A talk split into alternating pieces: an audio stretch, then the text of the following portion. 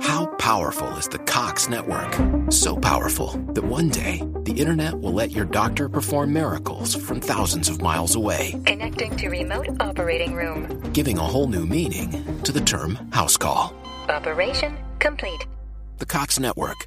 With gig speeds everywhere, it's internet built for tomorrow, today. Cox, bringing us closer. In Cox serviceable areas, speeds vary and are not guaranteed. Cox terms apply, other restrictions may apply.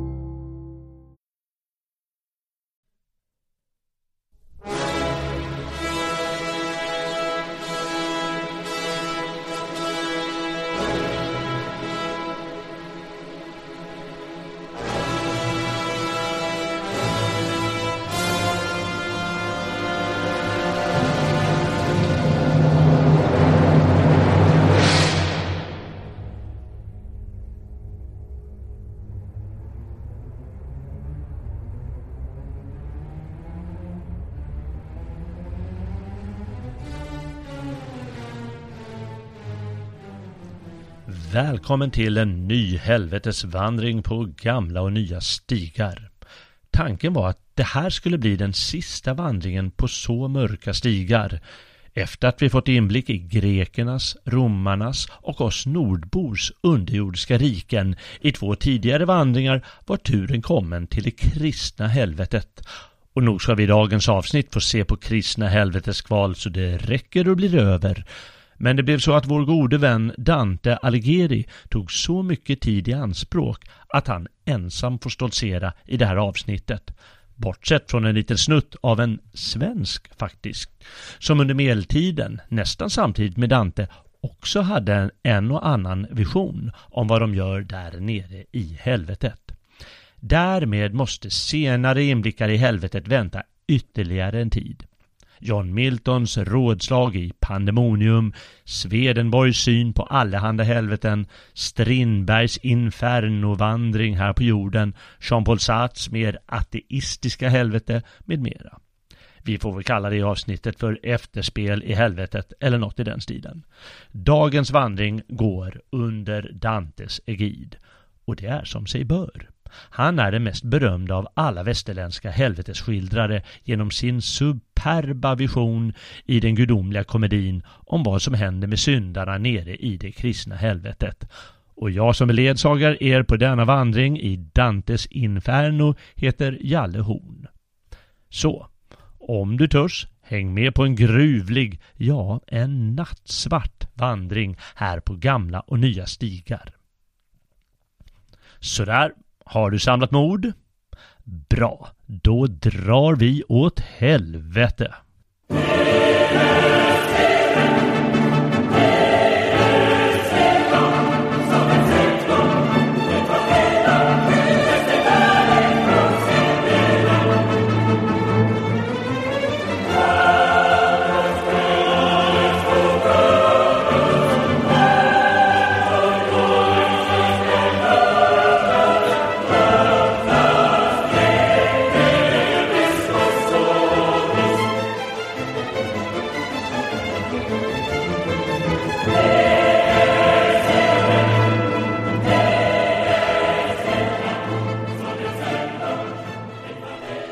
Florentinaren Dante Alighieri är den mest berömda av alla helvetesskildrare.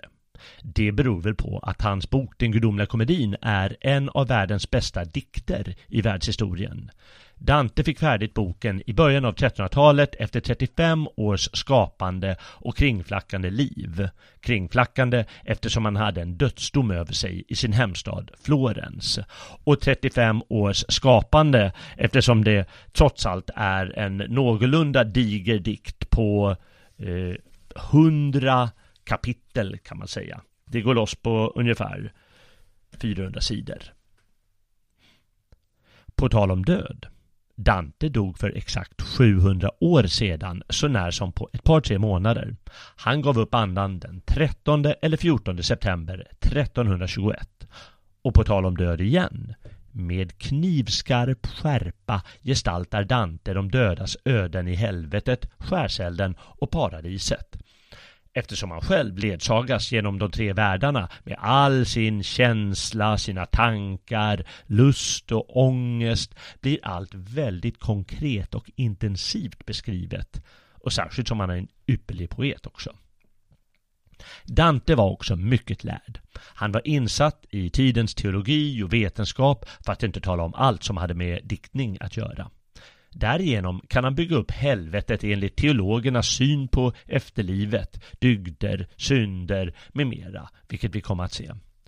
Dessutom känner han till tidigare visionärers framställningar av himmel och helvete, allt ifrån antika författares underjordsskildringar eh, till medeltidens kristna visionärer. Dante hade också många erfarenheter av det turbulenta politiska livet som rådde i Italien runt år 1300. Han var som vi sa själv förvisad från hemstaden Florens. Om han återkom skulle han halshuggas, eller brännas, eller hur han nu skulle dö. Med oerhörd glöd visar han fram vad han tycker om personer, partigrupper och hela städer i komedin. Många stackare som han ogillar hamnar på de jävligaste platserna i hans helvete. Precis som vi gör än idag med politiker och annat löst folk vi tycker bese, beter sig så in i helvete ruttet. Många kristna hade i tusen års tid före Dante skrivit ner sina tankar och visioner av efterlivet. Bland annat då vad som sker i helvetet. I Bibeln själv finns inte några längre utläggningar om helvetet som ett rike där man straffas si eller så, blott fraser som den eviga elden, eldsjön och, dy och dylikt.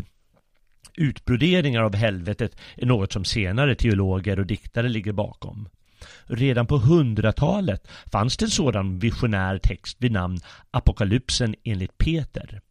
Där får syndarna straff enligt devisen öga för öga, tand för tand, det vill säga ett straff som motsvarar deras synd. Blasfemiker hängs i tungan. Mördare kastas i en grop med vedervärdiga insekter. Transor och lesbiska drivs av änglar utför en klippa om och om igen. Kvinnor som har aborterat sina barn badar i vidriga kroppsvätskor medan de ansätts av de aborterade barnens själar och så vidare.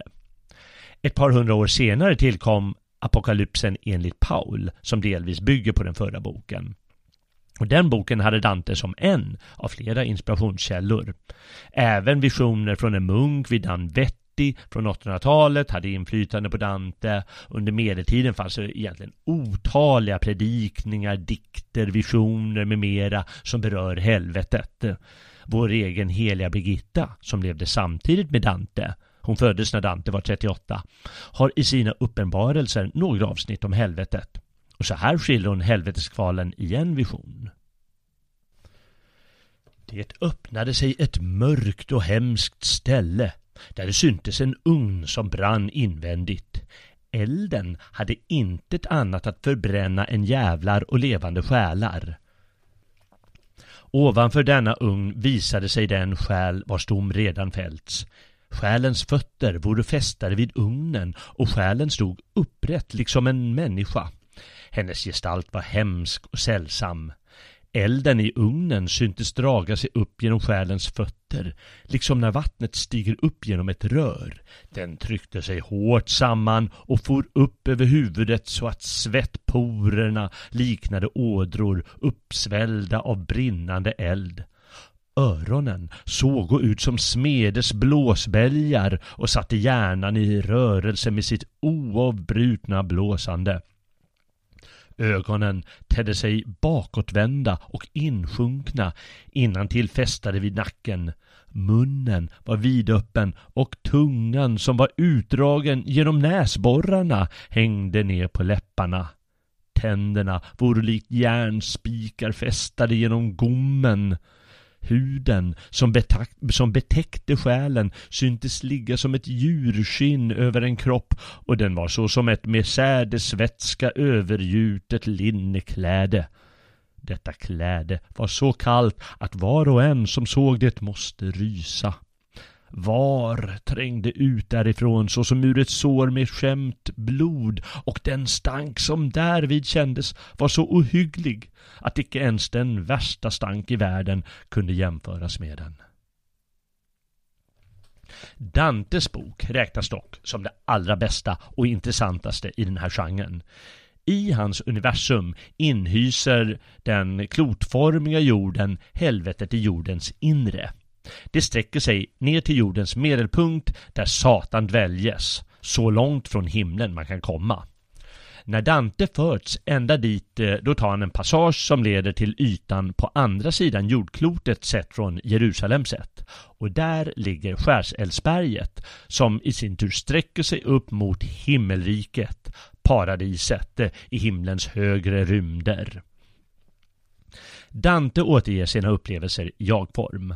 Han har, börjat, han har i början gått vilse i livet, vilse i en skog, säger han. Jag stod vid mitten av min levnads bana då i en nermörk skog jag mig befann. Han är osäker på sin kristna tro. Han attackerar, när han attackeras av bestar av olika slag, då kommer poeten Vergilius till hans nöd. Den romerska skalden Vergilius är Dantes älsklingspoet och han har i berättelsen blivit utskickad för att hjälpa den vilsna Dante. Och Vergilius för sedan Dante genom helvetet och skärselden för att Dante ska få insikt om livet och efterlivet. Vergilius är ju hedning så han får inte beträda paradiset utan det blir andra som visar Dante den världen. Till sist, när Dante skådar det gudomliga ljuset kan han bli hel igen och träda in på den rätta stigen. Helvetet är ordnat som en tratt i kretsar, alltså i cirklar, nio stycken, där man straffas på lämpligt sätt efter graden av sitt brott, öga för öga, tand för tand. De nedre kretsarna har sedan olika nivåer vilket ger plats åt olika sorters syndare. Och låt oss först nämna syndarnas brott och deras straff i största allmänhet för att få en överblick av den kristna synen eh, på dem som måste lämna allt hopp bakom sig. Och sedan kan vi återkomma till eh, några olika lämpliga ställen i Dantes bok. Och det blir en ganska diger lista och eh, vi kommer återkomma som sagt till de här olika delarna sedan.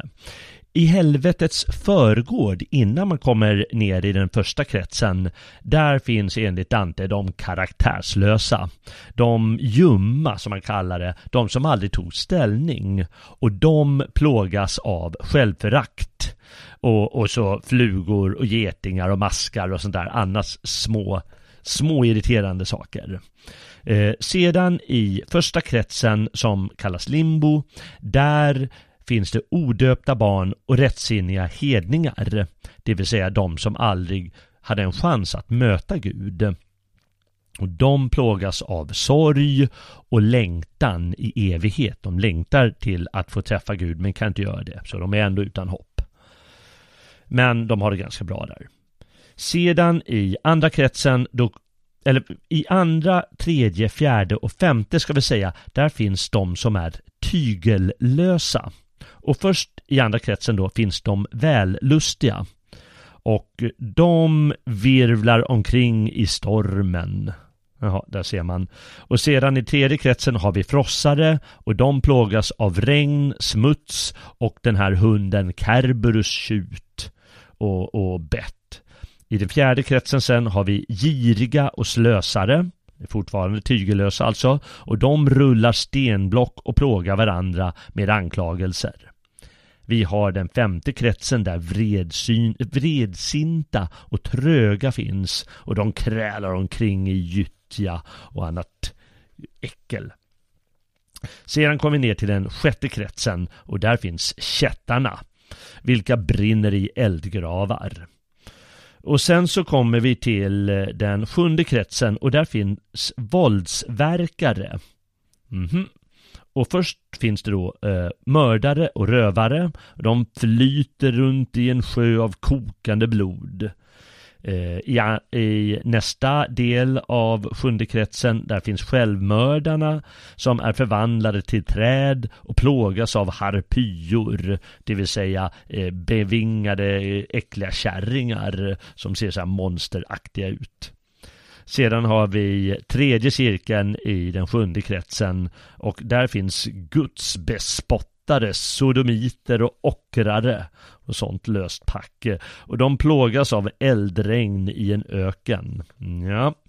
Sedan kommer vi ner, nu börjar vi komma ner till den nedre regionen verkligen och det är då den åttonde kretsen. Um, och där finns svekfulla personer som man inte haft tillit till. Till skillnad då från eh, i nionde kretsen där svekfulla som man haft tillit till. Och det är klart att det är värre. Men låt oss först se på uppradningen av alla i åttonde kretsen här. Och det är tio, tio dalar den består av. Och överst i, den, i åttonde kretsen finns kopplare och förförare.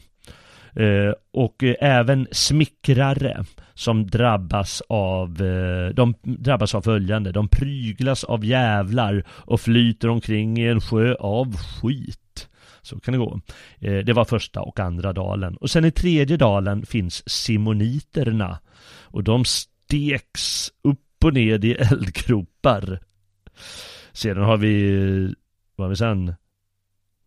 Eh, vi sa simoniter, då har vi fjärde dalen, då har vi spåmän och trollkarlar och de går baklänges med huvudena vridna bakåt. Ja. Mutkolvar sen, eh, de petas ned av jävlar i en sjö av kokande bäck. Vi har skrymtare sen, alltså hycklare som låtsas vara fromma. Men vi vet ju vad de är egentligen. Det är väl vår tids politiker och journalister. De går nedtyngda av förgyllda blykåpor. Och sedan har vi tjuvar. Eh, de plågas av ormar och eld. Därefter har vi falska rådgivare, vilka brinner i sin egen eld. Där finns bland annat Odysseus, minsann. Vi har tvedräktsstiftare, de klyvs och stympas av jävlar med svärd. Där finns Mohammed och eh, Ali. Ja, sen har vi, inte Muhammed Ali, boxarna alltså, utan de eh, ga, gamla muselmanerna Mohammed och hans kusin Ali. Vi har den tionde dalen förfalskare och de plågas av spetälska och vattusot. Sedan kommer vi alltså ner i den nionde kretsen i längst ner. Och eh, där finns det då eh, svekfulla som man haft tillit till. Och de här sitter för evigt fast i en frusen insjö. Eh, och då finns det fyra avdelningar. Det är de som är förrädare mot släkt, de som är förrädare mot fosterland, de som är förrädare mot gästvänner och de som är förrädare mot välgörare. Och djupast in i den nionde kretsen, där finns Satan själv, Lucifer.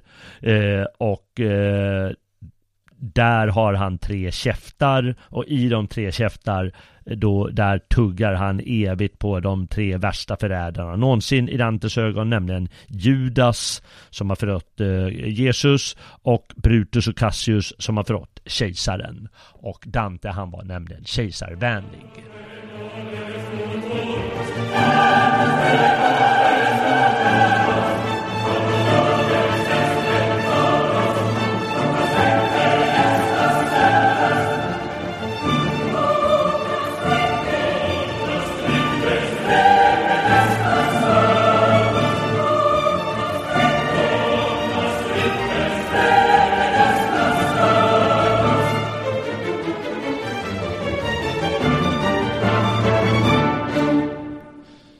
Sådär, det var en eh, snabb översikt och det finns många sådana där översikt i eh, upptecknade så att man snabbt kan få en blick var man tycker att eh, de man tycker illa om bör hamna.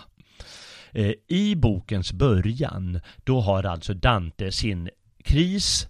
Eh, men hans gamla kärlek och idealkvinna Beatrice, som numera är i himlen, har uppmärksammat hans lidande och hon skickar då Vergilius till Dantes hjälp. Och Vergilius för Dante till helvetets port som ligger där i den där dunkla skogen någonstans där han har gått vilse, den stackars Dante. Och helvetet skapade Gud ursprungligen åt de fallna änglar som under Lucifers ledning gjorde uppror mot Herran. Och under tidens gång har det sedan fyllts på med allehanda syndiga själar. Och väl framme vid eh, helvetets port, då står det följande.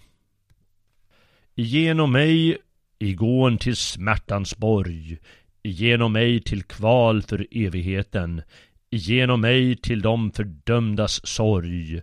Jag är ett verk utav rättfärdigheten, Världsalltets skapare mig byggde upp, allmakten, kärleken, allvetenheten. Hur tider växla må i ändlöst lopp, jag varit har och skall för evigt räcka. För er som här gån in givs intet. Och då träder han således in eh, i eh, helvetet eh, Dante till självaste förgården där vi sa att de karaktärslösa dväljes, eh, de obeslutsamma och det är de som i livet undvek varje ställningstagande som sagt, som aldrig vågade, de vågade vare sig trotsa eller bejaka eh, och aldrig följde något som helst ideal. Och därför löper de nu ändlöst efter ett baner som de aldrig hinner ifatt, hetsade av flugor och getingar och, och, och springande runt i maskar och annat äckel. Och eh, då berättar Dante så här om sina upplevelser där.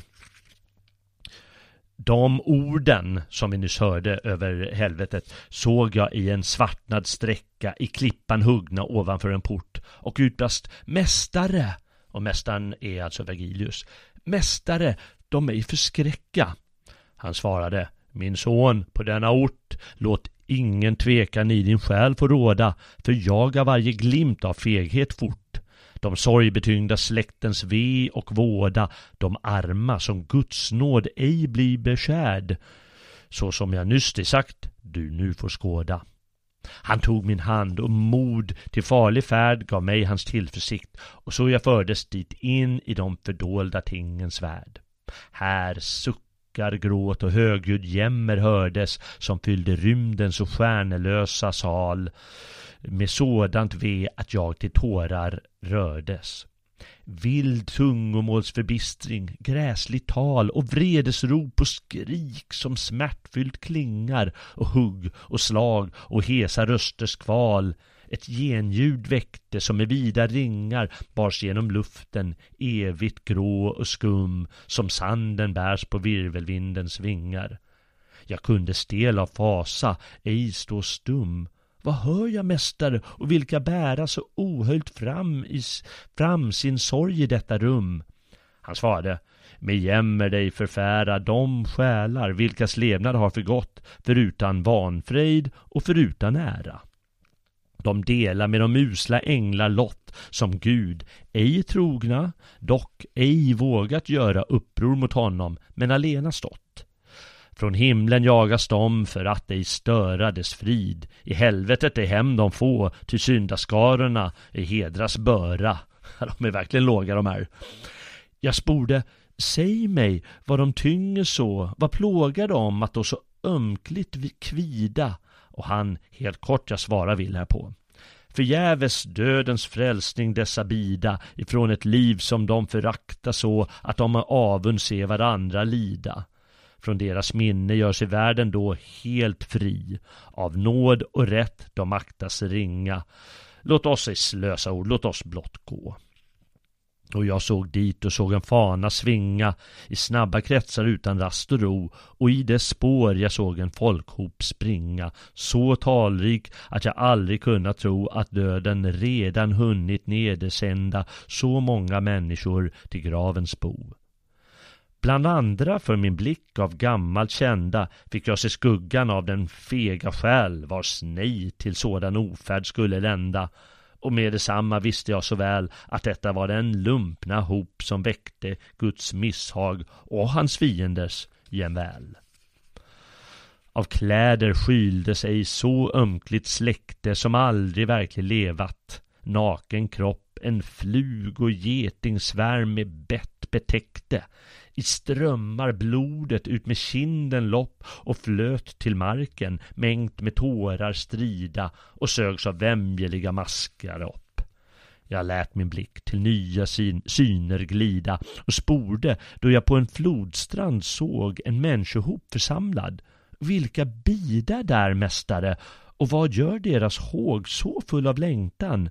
Mörkret ej det döljer, att börja färden över flodens våg. Han sade om du mig till stranden följer av dyster Acheron i ljusnat skick du ser de ting som nu en slöja höljer. Jag sänkte genast vördnadsfullt min blick och tyst av fruktan att han vreda skulle och mer jag talte jag till stranden gick. Och se, där styrde rakt mot oss sin julle, en gubbe med av ålder vitnat hår som ropade Vi er i ondskefulla! Tron aldrig att er färd till himlen går. Jag för er över till den andra stranden där evig natt och köld och hetta rår. Men du, vars stoft ej än har skilts från anden, gå ej med dem, följ ej dem då döda åt. Och då han såg att jag stod kvar på sanden skrek han på nytt Följ du en annan stråt, en annan hamnplats bör du åt dig välja och söka dig en mera lättrodd båt. Då sade ledaren Sök din ilska svälja, o Karon, ty så vill man där man kan allt vad man vill. Mer hövs mig ej förtälja. Och strax det drysta träskets färjeman ej mer till skymford ludna käkar rörde, fast vredens röda eld i ögat brann. Men dessa trötta, nakna själar hörde hans hårda ord och deras skräck blev väckt. De skuro tänder, bleka och förstörde. Det Gud förbannade och människors släkt och far och mor det frö som livet sådde och tid och rum som gav dem köttets dräkt. I sluten skock, högt gråtande, de nådde den andra strand som, väntar, som väntar en och var, vilkens bröst i Herrans fruktan rådde. Demonen Karon i sin båt de tar, hans eldkolsögon gnistra och befalla. Hans åra träffar den som ej är snar, och liksom löven höstetiden falla, ett efter ett, tills skövlad gren till sist åt jordens mull de återbördat alla, sprang Adams onda säd förutan frist med ned en och en på karons tecken klara, som fågeln vid ett lockrop flyr sin kvist. Och över svarta vågor hän de fara, men innan de den andra stranden nå, står här i väntan ren en annan skara. Ja, vi hörde Karon nämnas i avsnittet, färgkaren i grekernas och romarnas Hades, deras eh, dödsrike. Dante blandar friskt av antikens föreställningar om underjorden och den kristna lärans syn på helvetet. Här finns bland annat Karon, domaren Minos som utdömer var och ens straff, hunden Kerberos, staden Dis, floderna Acheron och Styx, sjön Kokytos, kentaurer och mycket annat som kommer från den grekisk-romerska världen. Ett annat exempel är Odysseus som lider pin långt där nere i helvetet. Och lite ironiskt kanske eftersom Odysseus, som vi minns från det första avsnittet i våra helvetesvandringar, också var nere i underjorden för att vinna kunskap. Dante hade inte tillgång till Odysseen eh, utan hans främsta förebild är romaren Vergilius bok Eniden. Och det, den underjordsskildringen är eh, förstås hans, en av hans största inspirationskällor. Och eh, i nästa avsnitt när de har gått, eh, kommit över floden, då kommer de till första kretsen, Limbo. Och, och där finns då eh, de odöpta. Alltså både hedningar och eh, men barn som inte hinner döpas. Eh, och dessa syndare är egentligen utan skuld och lider inte heller något kroppsligt straff. Men då de inte har eh, lärt känna Gud i livet längtar de nu evigt efter att få skåda honom, men utan hopp om att någonsin bli bönhörda. Och sedan klättrar de ner en krets eh, där Minos utdelar straffen och skickar syndarna till sin bestämda, sina bestämda uppehållsorter. Och här i den andra kretsen straffas de vällustiga och det är de som i livet har burits viljelöst av sina passioner. De jagas nu framåt i en evig storm hit och dit. Och då låter det så här eh, i ett kort avsnitt. Nu hör jag rösterna som runt mig klagar i, i ett mångtusenstämmigt sorgens sus som jag skall höra för mig alla dagar. Och det är Dante som berättar igen. Jag når en ort helt utan varje ljus som vrålar likt en storm på havets vatten i vilda virvelvindars dån och brus. Helvetesstormen rasar genom natten och piskar med sig kvalda själars här och kastar dem mot klipporna och gatten. När avgrundsstupets svalg de kommer när, de arma hörs Guds allmakt högt förbanna och vilda eder genom rymden skär. Jag insåg det var här de måste stanna som hängett sig så vilt åt köttets lust att mot dess mur de slog förnuftets panna. Som vreda vindar slår vid vintrig kust starflockar kring som strävar mot febrila så slogs de onda av Guds stormvindspust och fram och åter tvingas de att ila de aldrig hopp om mindre marter har och evigt vräks de framåt utan vila. Och här finns eh, eh, lite längre fram i det avsnittet eh, ett av eh, komedins mest kända ställen. Det brukar alltid finnas med i olika antologier. Och det är avsnittet när han träffar Paolo och Francesca, eh, en man och en kvinna i Italien på eh, strax före Dantes tid. Och eh, ja, då berättar de för honom varför de är där och det är att de, ja, hon är väl gift med någon annan och han kanske med en annan också. Men de sitter och läser riddarhistorier med varandra. Och det är ju kärleksfulla romaner det där. Och sitter de och läser och så ser de väl bilder också. Och så tittar de på varandra och så står det sen Sen läste vi ej mer den dagen. Köttets lust blev det för dem. Och helvetet.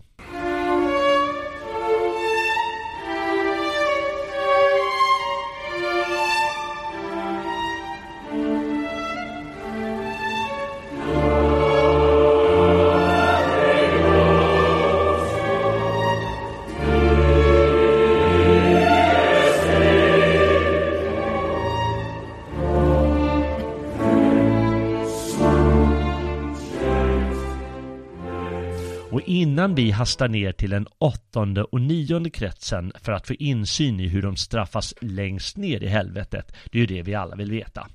Låt oss återigen då sammanfatta de syndfulla på vägen dit. I den tredje kretsen som kommer efter eh, de här som ägnar sig åt köttets lust eh, där återfinns hunden Kerberos.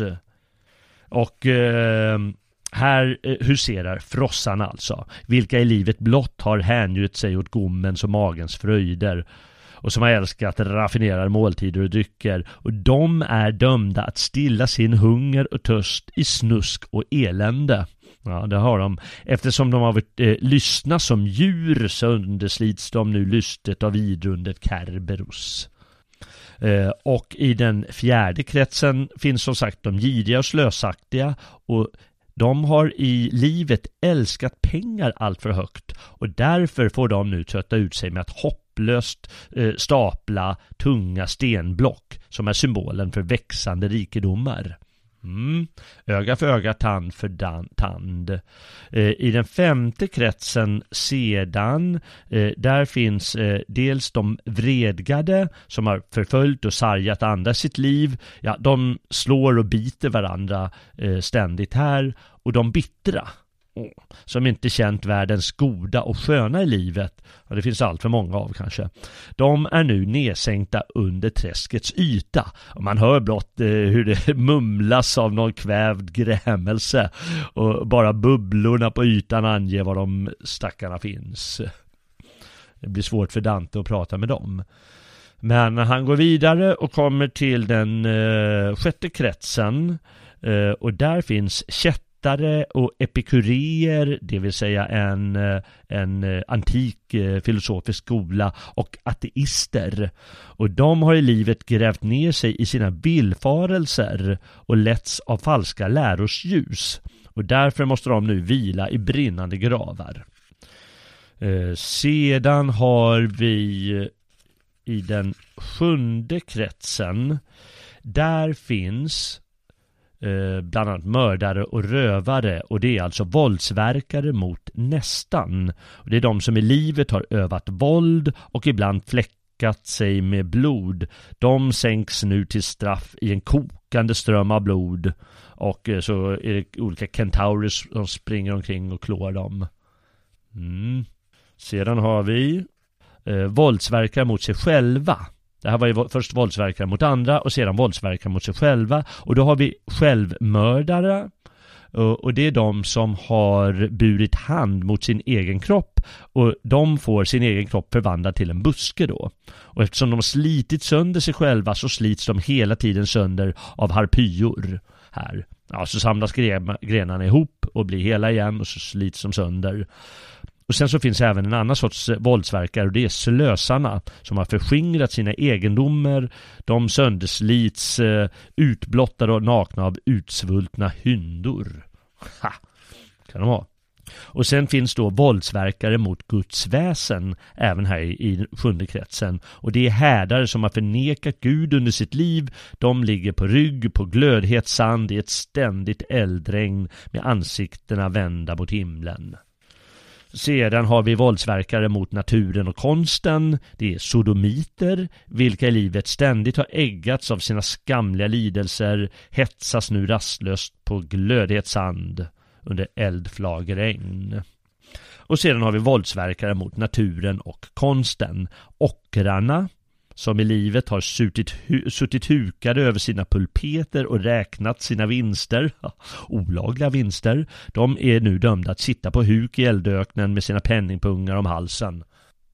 Och sedan kommer vi, eh, sedan kommer Dante, eller förstante av Vergilius, ner i den åttonde kretsen. Nu är vi djupt nere i helvetet. De äkta syndarna finns. Eh, då sa vi alltså i den i, den åttonde kretsen, där finns då svekfulla som man inte haft tillit till först. Och det är ett gäng det. Först har vi kopplare och förförare som i livet har begått ovärdiga handlingar och de måste nu nakna och fyllda av skam utstå vanärande straff. Mm, vanärande straff. Smickrare som i livet har besudlat sig moraliskt, de nedsölas här kroppsligen. Vi har bedrivare av simoni, det vill säga de som har sålt andliga skatter och ämbeten för pengar. Och eftersom de i livet har försökt stoppa pengar i egen ficka straffas de med att stoppas ner i stenhålor. De har handlat tvärt emot Kristi bud och står därför på huvudet. Och eftersom de har trampat på den heliga andes låga sveds deras fotsulor av eld. Eh, sen har vi också spåmän som i livet har önskat skåda allt för långt in i framtiden. De är därför dömda att vandra med huvudet vridet ett halvt varv. De tvingas alltså att ständigt blicka bakåt. Är rätt åt dem? Och sen har vi eh, eh, försnillare. Och det är de som i livet har begagnat eh, eh, elaka, skumma medel. De är nedsänkta i svart och klibbigt bäck. Och eftersom de har varit lögnaktiga och oredliga är de nu utlämnade till lögnaktiga och oredliga demoner. Och här tänkte jag att vi ska ta och eh, läsa ett eh, stycke. Ifrån en bro till nästa, under samtal om annat som en komedi för tiger, nådde vi valvets krön och gjorde halt där för att betrakta Malebolges rämna. Han kallar det den åttonde kretsen här, Malebolge. Den femte där man fåfängt grät. Då såg jag att den var egendomligt svart i bottnen. Som på det stora varvet i Venedig i vinterns dagar den sega käran kokar varmed man tätar fartyg som fått sprickor. Ty inställd är all sjöfart och istället bygger en del sig nya båtar. Andra kalfatrar skrov som har gjort många resor. I fören hamrar en och en i akten, en tvingar tåg, en annan timrar åror och en ses laga storseglet och focken. Så, utan eld, men av gudomlig vilja sköd det ett tjockt och klibbigt bäck där nere som smetade sig fast på bägge kanter. I denna massa såg jag intet annat än bubblorna som lyftes upp ur koket och svällde ut och brast och sen sjönk samman. Medan jag spänt stirrade neråt utbrast min ledare Se upp! Se upp! Och hastigt drog han mig från den plats där jag befann mig. Då vände jag mig om, likt en som längtar att se förföljaren han borde undfly, hur slagen än han är av plötslig fasa, men ej fly mindre snabbt för att han tittar och såg en svart demon som kom på muren i, bro i brons förlängning springande bakom oss. Hur skräckinjagande han var att skåda. Vad grym han tycktes mig i varje åtbörd, på foten blixtsnabb och med lyfta vingar. Han bar en syndare, vars båda höfter låg på hans vassa axel och med klorna höll han ett stadigt grepp om hälens senor. Nu skrek han från vår bro. Herr Malevrange får ni en rådman ifrån Santa Zita. Fort ner med honom, för jag skall tillbaka till samma stad där folk som han är legio, många alltså. Alla tar mutor där, utom Bonturo, och varje nej gör de till ja för pengar. Han vräkte ner honom och vände åter den väg han kommit. Lika snabb är aldrig en lössläppt gårdvar när den jagar tjuven. Den andre sjönk och flöt sen upp helt insmord, men jävlarna som gömt sig under klippbron skrek sax. Här hjälper det inte Santo Volto. Här får du inte simma som i Sergio. Om därför du vill undvika små rispor så håll dig vackert nere under bäcket. Sen stack de i honom minst hundra hakar och skrek Här dansas det i mörker. Kan du så roffa åt dig nu när ingen ser dig. Kökspojkar ser man likadant på kockens befallning peta ner med sina gafflar de köttbitar som flyter upp till ytan. Nå, Dante förs eh, vidare och kommer snart till stället där eh, hycklarna finns, eh, skrymtarna som i livet har cirklat runt sina egna tankar och gärningar, rör sig här långsamt i cirkel. De har tidigare dolt sitt sanna jag och döljs nu i plågsamt tunga kåpor av bly med gyn utsida. De religiösa hypokriterna som tillrådde Kristi död korsfästs utsträckta på marken och eftersom de har trampat sanningen under fötterna måste de nu tyngas av all världens hyckleri. Och sen kommer han eh, till dal, åttonde kretsens, ja jag vet inte vilken dal längre, där tjuvarna härbärgar. Och dessa har i livet förlitat sig på bruket av list. Och de bestraffas nu genom att ömsom plågas av ormar, listens symbol, ömsom själva förvandlas. Eh, från människa till orm och från orm till människa.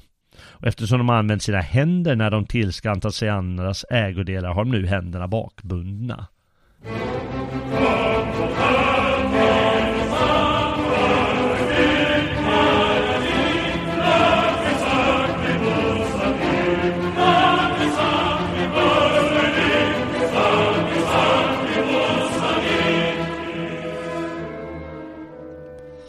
då berättar Dante i eh, komedin Avskaka lättjans ande, fatta mod, Vergilius sade. Ej man rykte vinner på dun i vila under sängfäll god, och den vars levnad rykteslös bortrinner på jorden efterlämnar inte ett spår, som rök i luft, som skum på våg försvinner. Kväv rädslan och låt se, eh, och låt se att upp du står, ty andens kraft får segern städs i striden, när kroppens tyngd är ner i dyn den får. Lång ligger vägen fram mot överliden. Det räcker inte med den stig vi gått. Har du förstått mig så försitt dig i tiden. Och då kan jag säga att Dante han han svimmar titt som tätt av eh, det elände han ser eller måste bara sätta sig ner och gråta eller vad som helst. Men eh, han kanske vill gå hem igen. Men Vergilius manar på honom alltså sådär eh, med jämna mellanrum. Och då berättar han vidare Dante. Då reste jag mig och när jag upp jag stått, jag sade, fast det var som bröstet rämnat. Gå blott, jag hämtat mig och krafter fått. Och vi besteg den klippknöl dit vi ämnat, mer ojämn, svår och stiglöst vild och trång än någon av de broar nyss vi lämnat. Att inte synas veklig gång på gång höjde jag rösten, men fick svar från nedan, ej hört som ord till följd av ekots sång. Vem vet vad rösten skrek, ty genast sedan stod jag på Klipprons höga karga rygg. Men vred var stämman, det förstod jag redan. Jag ser mot djupet, svindelmatt och skygg, men genomtränga det förmår ej mer jag. mästare, sade jag och lät helt trygg.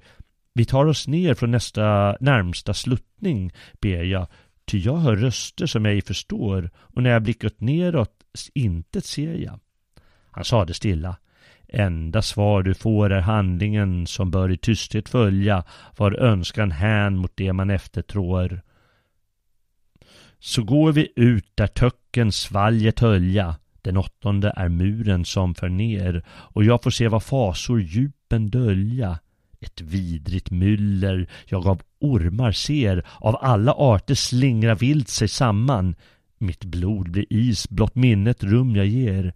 Ej ens i Libyens sandhav under flamman av öknens sol där kobror, skorpioner, pilormar, basilisker slån med gamman kringvältrar såg man dessa miljoner reptiler. Etiopien ej de känner, i Röda havets giftförbrända zoner. I detta myller nakna släkten ränner, skräckslagna, utan tillflykt, utan hopp och utan heliotrop när ettret bränner med ormar ätna genom offrens kropp och virade kring armar, rygg och länder med stjärt och gap i knut på bröstet upp. En stackare som blicken mot oss vänder får mellan skulderblad och nacke rappt ett hugg av ormens ettdränkta tänder. Så fort ett O, ett I man skriver knappt som eld slår ut från honom och i bruset av lågor fanar han till aska snabbt. Men som han ligger upplöst där i gruset, askan sig samlar, han på nytt uppstår och återfår det brända själskroppshuset. Och så kan han när han blivit hel igen straffas på samma sätt en gång till. Dante hamnar i slang med en av tjuvarna där nere och eh, då berättar han efter ett tag eh, Men tjuven kom med ännu värre bud. Han eh, skriker och fräser och förbannar alltså tjuven. Eh, mot himlen gjorde han med bägge händer en rått obscen gest med Där har du Gud! Ja, ormarna en tacksam tanke sänder, ty en av dem stod ringlar kring hans hals, som om den sagt ”Nu tiger du”. Hans länder och armar, andra klämde likt en vals så hårt att bröstet snörde som i läder och ingen lem han kunde röra alls. Pistoja, och det är alltså staden där tjuven är ifrån, O du synderska bland städer, bränn upp dig själv. Mer ont eh, du från dig gett än fordom rent av dina fräcka fäder. Ett sådant trots mot Gud jag än ej sett hos någon ande i Infernos salar, ej ens den man som slöks på Tebes slätt. Och eh, jag sa tidigare att eh, Dante, ibland svimmar han av förfäran och ibland gråter han av förskräckelse och han måste sätta sig ner och hämta andan och så men vid vissa tillfällen är han väldigt tacksam för att se syndarna straffas och gläds åt det hela. Och eh, lite längre fram i den här eh, platsen där tjuvarna befinner sig finns en väldigt målande scen eh, och det lyder så här. Har svårt du tro på detta jag förtäljer min läsare? Det undrar ingen på. Själv är det mig som om jag fabler säljer. Just som med blick blicken jag de tre vill nå, alltså det är tre stycken tjuvar han ser på nytt, eh, pilsnabbt en sexbent orm emot dem glider och börjar kring den enes tätt sig slå. Mittparet ben kring bål och buk han vrider, snor sina framben kring hans armars par och bassa gaddar mot hans kinder gnider. Bakbenens ringlar den kring låren drar och svansen genom skrevet upp sig vindar där fast en grepp om mannens länder tar. Så tätt ej murgrön kring en ek sig lindar som spindelormen låg kring denne man ett galler och spiralverk som på grindar. Sist sammansmälte både, båda med varann, likt glödhett vax och färgerna förblandas så att de ingen igenkänna kan. Som papper färgas brunt likt snö som sandas men strax blir svart just där det tändes på och tonar ut i vitt där margen randas. De båda andra skrek av fasa då. Agnello, se! Vad håller på att hända? Du är ej längre en, ej heller två. Snart blev av tvenne huvuden ett enda med ansiktena smälta i varann till ett nytt okänt utav två väl kända.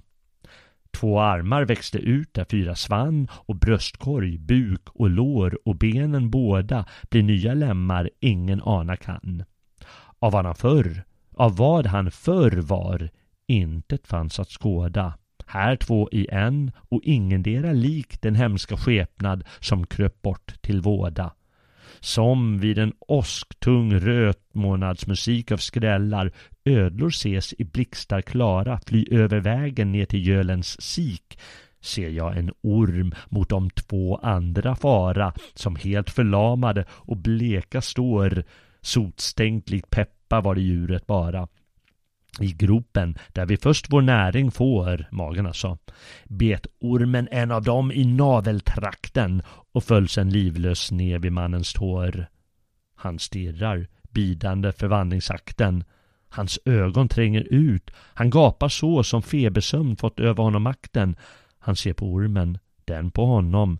Då en rök ur såret stiger och en tåga ur ormens gap och bägge samman slå.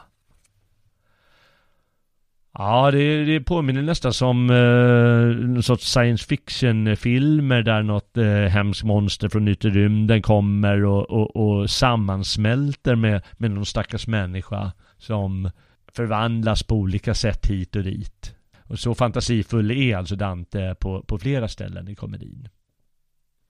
Färden går vidare för Dante och eh, i nästa dal i åttonde kretsen stöter han på onda rådgivare som i livet har anstiftat flammande gräl och glödande hat med sina lömska råd. De är nu insvepta i var sin låga. Deras tunga var vass och snabb och den låga som insveper dem är också skarp och rörlig. Och eftersom de har stört andras fred och frid vandrade de nu omkring utan rast och ro. Och här huserar eh, alltså Odysseus av någon anledning. Eh, I eh, nästa eh, del då träffar han på de som sår tvedräkt. Och det finns tre olika slag eh, för religionen, politiken och familjen. Men alla har ungefär samma straff. De, eftersom de har, livet har orsakat splittring klyver nu en demon dem med sitt svärd. Ja, så kan det gå. Eh, sen är det de som sprider tvedräkt. Och då har vi alltså förfalskare, vilka i livet på olika sätt har förvrängt sanningen. Eh, de är nu kroppsligen groteskt förvridna. Eh, vi har alkemister, Spåren av skabb och spetälska som de märkte av påminner kanske om slaggen efter de metaller som de har handskats med. De har i livet brukat sina händer till lika gagnlös som lögnaktig verksamhet. Nu använder de dem att i ursinne riva och klösa sig och förvärrar på så sätt det onda som behärskar dem. Eh, vi har vidare förfalskare eh, av personer, det är de som byter identitet. Eh, en girighet utan gräns har i livet förmått dem att till kropp och själ förfalska sin egen person och de döms därför eh, till ett otyglat ursinne så kommer de att likna vilda djur eller förfalskare av pengar och det är de som har besudlat pengarnas äkthet med falska metaller döms nu till vattusot som fläckar dem och blåser upp deras magar. I livet törstar de ständigt efter guld och nu plågas de av osläckbar törst. Och så förfalskare av ord, det vill säga lögnar och sånt. De är dömda, dömda till feber och feberyra, vilket liknar deras blandning av falska och sanna ord. Och eh, bland annat berättar Dante här då vem kunde väl ens utan rimmets tvång allt blod, vart sår som här jag såg beskriva om också han begymte gång på gång var tunga skulle snart förstummad bliva, ej mänskligt språk, ej mänsklig tanke kan ett uttryck åt så hemska syner giva. Och här finns eh, alltså Mohammed och eh, Ali som på olika sätt eh, har splittrat tron i olika skolor och, och vad man nu vill kalla det för. Och då säger han så gapade ej en tunna och man spräckte den tvärt i tu som jag, så, som jag såg en vars sår från hakan ner till ändtarmshålet räckte. Inälvor dinglade ut med hans lår och hjärtat syntes, magen säck och tarmen som gör till träck vad genom strupen går. Jag stirrade helt stum. Han böjde armen och fläkte upp sitt sår i samma nu och sade Såg du hur jag slet upp armen? Mohammeds kropp så sargad skådar du. Framför mig gråter Alis anlet, rivet från pannans lugg till hakan mitt i tu. Att utse splitt och tre, tvedräck var i livet ett mål för alla dem som här du ser. Att själva klyvas är till straff oss givet. En djävul står där borta bakom er och fläker utan misskund med sin klinga på nytt upp varje sår och detta sker var gång då våra steg oss hitåt bringa. Till förrän vår jämmerfulla rund är all har huden grott igen kring sårens springa.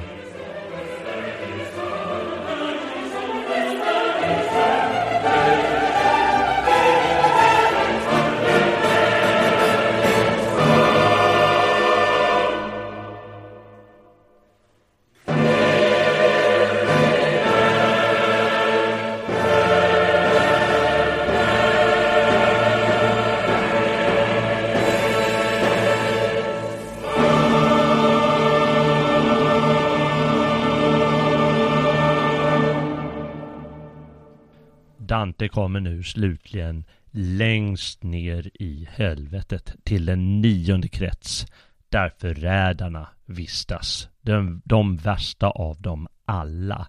Och då delar han som sagt upp det. Vi har förrädare mot eh, släktingar, mot fosterland, mot vänner och mot välgörare och allra längst in hos Lucifer eller Satan själv, de som har förrått andlig och världslig överhet, Judas, Cassius och Brutus.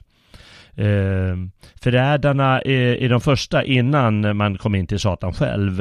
Eh, det är de som i livet har haft så hårda och kalla hjärtan att de förrått varje vän och nästa. Bestraffas nu genom att bli nedsänkta och infrusna i is mer eller mindre djupt i förhållande till sin synd. Dante berättar Om rim nog sträva ord nog bistert kalla min tunga hade för sin skildring haft av detta hemska svalg som rymmer alla helvetets klippor. Bättre ämnets saft jag pressat ut men dessa ej jag äger och mycket brister ut i versens kraft. Här är ej plats för skämt. Vart ord man väger världsalltets djup kan icke skildrat bli på språk som mamma blott och pappa säger vi hade brunnens mörka botten nått, nerom den punkt där jätten foten stöder och jag såg upp mot murens eh, väggar blott, då någon klagade. Säg, varför öder du så, du så din kraft? Ej på mitt huvud stig, du trampar ju på dina stackars bröder. Jag såg mig kring. Framför och under mig såg jag en sjö vars isbelagda yta långt mera likt glas än vatten tedde sig. Ej kunde Österrikes dåna och skryta med vinterdok så stadigt och så fast, ej heller dån där kölden ej lät ryta. Om Tambernix och om Petropanas last på dessa isflak vräktes, ej en spricka det blev av ett dylikt jättekast. Som grodor upp ur vattenpölen sticka sin nos och kväka högt den årstidspris då ax i drömmen plockar bygdens flicka. Så skuggor frusna in i denna is till kinden blygselrodnans hemvist blänkte blek och blekblå tandklapprande på storkas vis.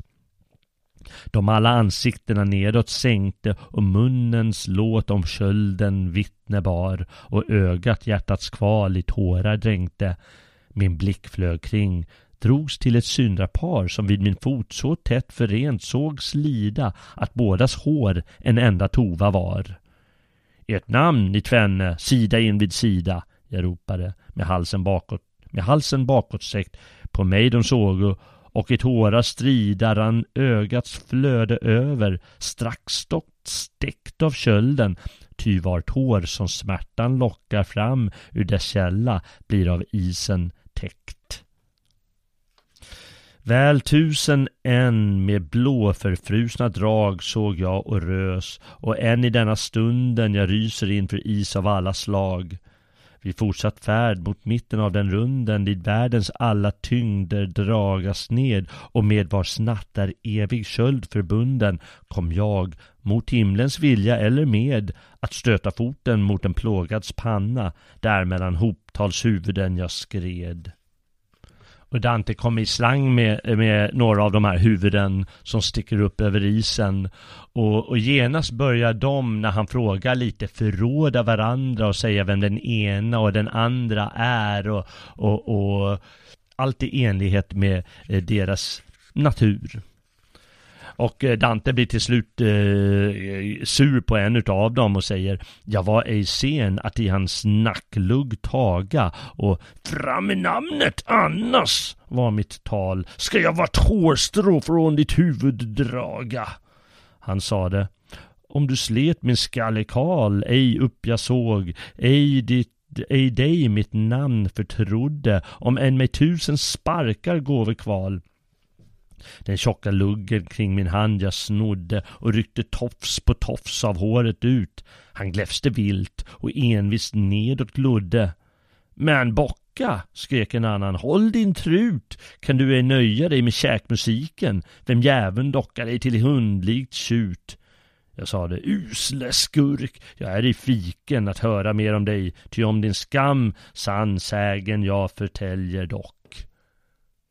De är alltså, de vill inte att deras namn ska bli kända uppe på jorden, att de är längst ner i helvetet eh, och, och har förrått den ena och den andra på det sättet. Men eh, ja, då ligger de här nere i helvetet och förråder varandra på lämpligt sätt. Och eh, snart eh, fortsätter han eh, framåt, eh, Dante, och då säger han vi gått från denne då min blick fick fatt i två som en och samma isvak dränkte så att ett huvud var den andras hatt och han i grannens svål sin tandrad sänkte, liksom en hungrande i en bit bröd, där nacken nyss förent med hjärnan blänkte och eh, eh, då har alltså den, den ena har sitt och tuggar på den andras skalle, så måste man förstå det.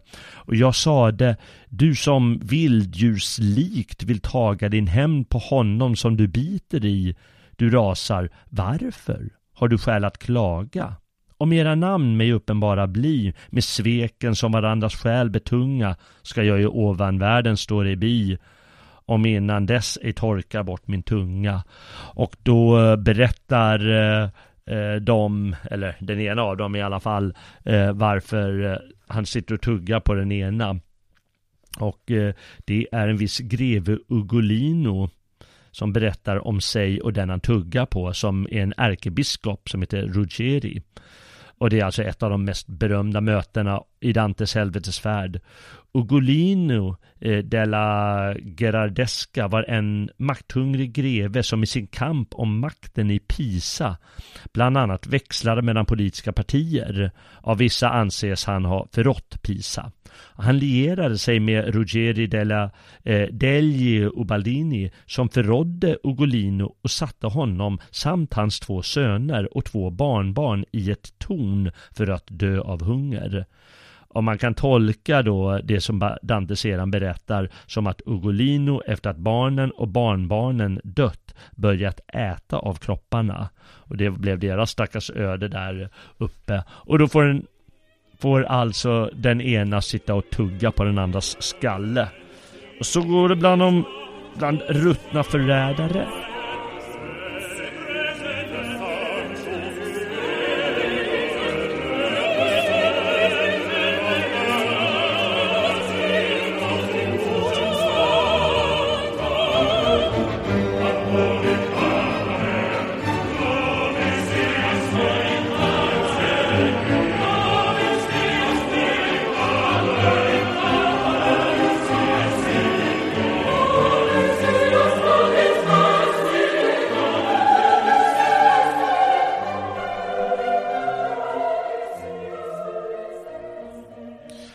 Till sist kommer Dante in i det allra, allra innersta av helvetet. Eh, där Satan själv finns. Och då berättar han Vexilla regis, sa det mesta nu. Prodeunt inferni. Och det betyder eh, någonting i stil med helvetets konung upprest sitt baner. Och det är en vers från en gammal eh, latinsk dikt. Sök med blicken tränga dit bort och avgrundsfursten skönjer du. Och som en väderkvarn då töcken hänga i luften eller mörkret faller på till sig på avstånd då det svingar svänga för vinden såg jag här en byggnad stå men blåsten var så våldsam att jag ryste och sökte lä bak mästarens skuldror få och eh, Satan har då stora vingar som eh, som han slår på som får eh, isen att hela tiden frysa här nere. Jag skildrar det med bävan. Isen hyste här på skuggor, frusna in från topp till tå. Likt halmstrån under glas de mot oss lyste. Och en del låg, en stod med benen upp och en med huvudet eh, och andra böjde båglikt med gässan sänkt mot tån sin kropp och det är alltså eh, syndares kroppar som ligger eh, helt infrysta eh, i isen här. Vi gingo vidare tills mästaren dröjde och mot det väsen som ju en gång lär ha varit undersköt sitt finger höjde och drog mig fram och pekade Se där, låt ej dis åsyn dig på flykten driva, men väpna dig med mod, det tarvas här. Begär ej läsare att jag ska skriva hur blodet frös och kraften svek min själ, ty ord förmå ej sådant återgiva. Jag levde ej, slogs ej av skräck ihjäl. Försök att se, din fantasi svike mig så, ej död men utan liv likväl. Här såg jag kejsaren i smärtans rike till halva bröstet ovan isen stå och snarare är jag en jättes like, en jättar med hans armar mäta små. Försök dig då den helhet föreställa som med en sådan del ihop kan gå. Var han så skön då han lät trotset svälla mot skaparen som han nu var ful förstod jag gott att han är allt eländes källa O vilket under! På hans huvud stod ej blott ett anlet att se, men tränne. Ett satt i mitten och var rött som blod och över var sin skuldra andra tvenne. Och alla löpte ihop på gässans mitt och sammanhängde endast genom henne. De högra, den, det högra ansiktet alltså, skiftande, skiftade i gult och vitt det vänstra samma hudfärg företedde som folk som kallar Nilens hemland sitt. Ett vingpar, sådan fågel värdigt, bredde sig under vart och ett. För havets bris väl aldrig större segel blivit sedde. Det flack, de flaxade på läderlappars vis förutan hjälp av fjädrar och då bröt då tre vindar fram beläggande med is, kokytos, det är den underjordiska sjön här nere, och sex ögon tårar göto som jämte munnens blodbemängda spott längs tränne hakor strax i droppar flöto. Var käft en syndare fått på sin lott och som man bråkar lin så söndermalde dess tänder den som han att pina fått. Den mittersta i tandens hugg så kvalde som plågan då han klöst av vassa klor med flikar av sin rygghud bot betalde. Judas Iskariots pina är så stor som ingen annans medan benen svänga i luftet huvudet, luften, huvudet i svalget bor.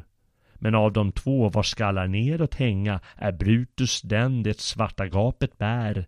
I ordlös smärta ses han kroppen vränga och den så kraftigt byggde Cassius är. Men natten oss sitt mörker redan bringar, tid är att gå, vi har sett allting här. Och efter att Dante således har fått skåda det allra innersta och fruktansvärdaste av helvetet för Vergilius honom till en gång varmed de kan ta sig till Skärselsberget på andra sidan jordklotet. Där väntar nya ohyggligheter för Dante att skåda, fast där syndarna har hopp om frälsning efter att ha pinats och renats under lämplig tid. Ja, nu vet vi alltså vad de håller på med där nere i helvetet. Men nu är vi ju ute ur helvetet och kan lämna Dante därhän.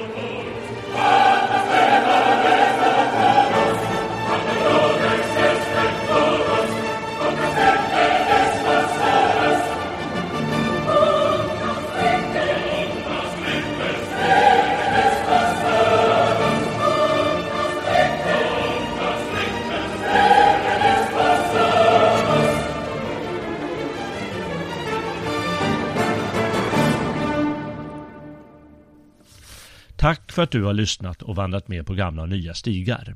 Om du gillar vad du har hört får du gärna stödja Svegots verksamhet. Är du redan stödprenumerant ska du ha stort tack för ditt bistånd. Om du inte redan är det får du gärna teckna en stödprenumeration eller ge en donation till Svegot så att vi kan fortsätta skapa sådana här program om gammal europeisk kultur och om dagsfärsk politik som mina medarbetare skapar. Gå in på svegot.se och klicka dig fram den vägen för att stödja oss. Där finner du också alla våra program att lyssna på. Sprid också gärna det här programmet till dina bekanta. Då bidrar du till ökad kunskap om vår kultur, om vårt särskilda liv och om våra brödrafolk och därmed till en mycket bättre framtid. I ett kommande avsnitt ska vi med John Miltons hjälp se vad som hände i avgrundsdjupet innan helvetet blev en plats för syndarna samt se på några helvetesupplevelser närmare vår tid. Det hann vi ju inte med i dagens fullspäckade program. Eftersom juletiden närmar sig kan det hända att det dröjer lite tills avsnittet finns redo att lyssna på. Julen är ju en tid för liv och glädje och då ska väl verksamheten i helveten tonas ner lite. Men ge er till tåls och håll ögonen öppna för ett sådant avsnitt och andra begivenheter här på gamla och nya stigar. Jag heter Jalle Horn och ser fram emot nya vandringar med dig, kära lyssnare. Väl mött, Frändre. How powerful is the Cox network? So powerful that one day the internet will let your doctor perform miracles from thousands of miles away. Connecting to remote operating room. Giving a whole new meaning to the term house call. Operation complete. The Cox network with gig speeds everywhere. It's internet built for tomorrow, today. Cox, bringing us closer. In Cox serviceable areas, speeds vary and are not guaranteed. Cox terms apply. Other restrictions may apply.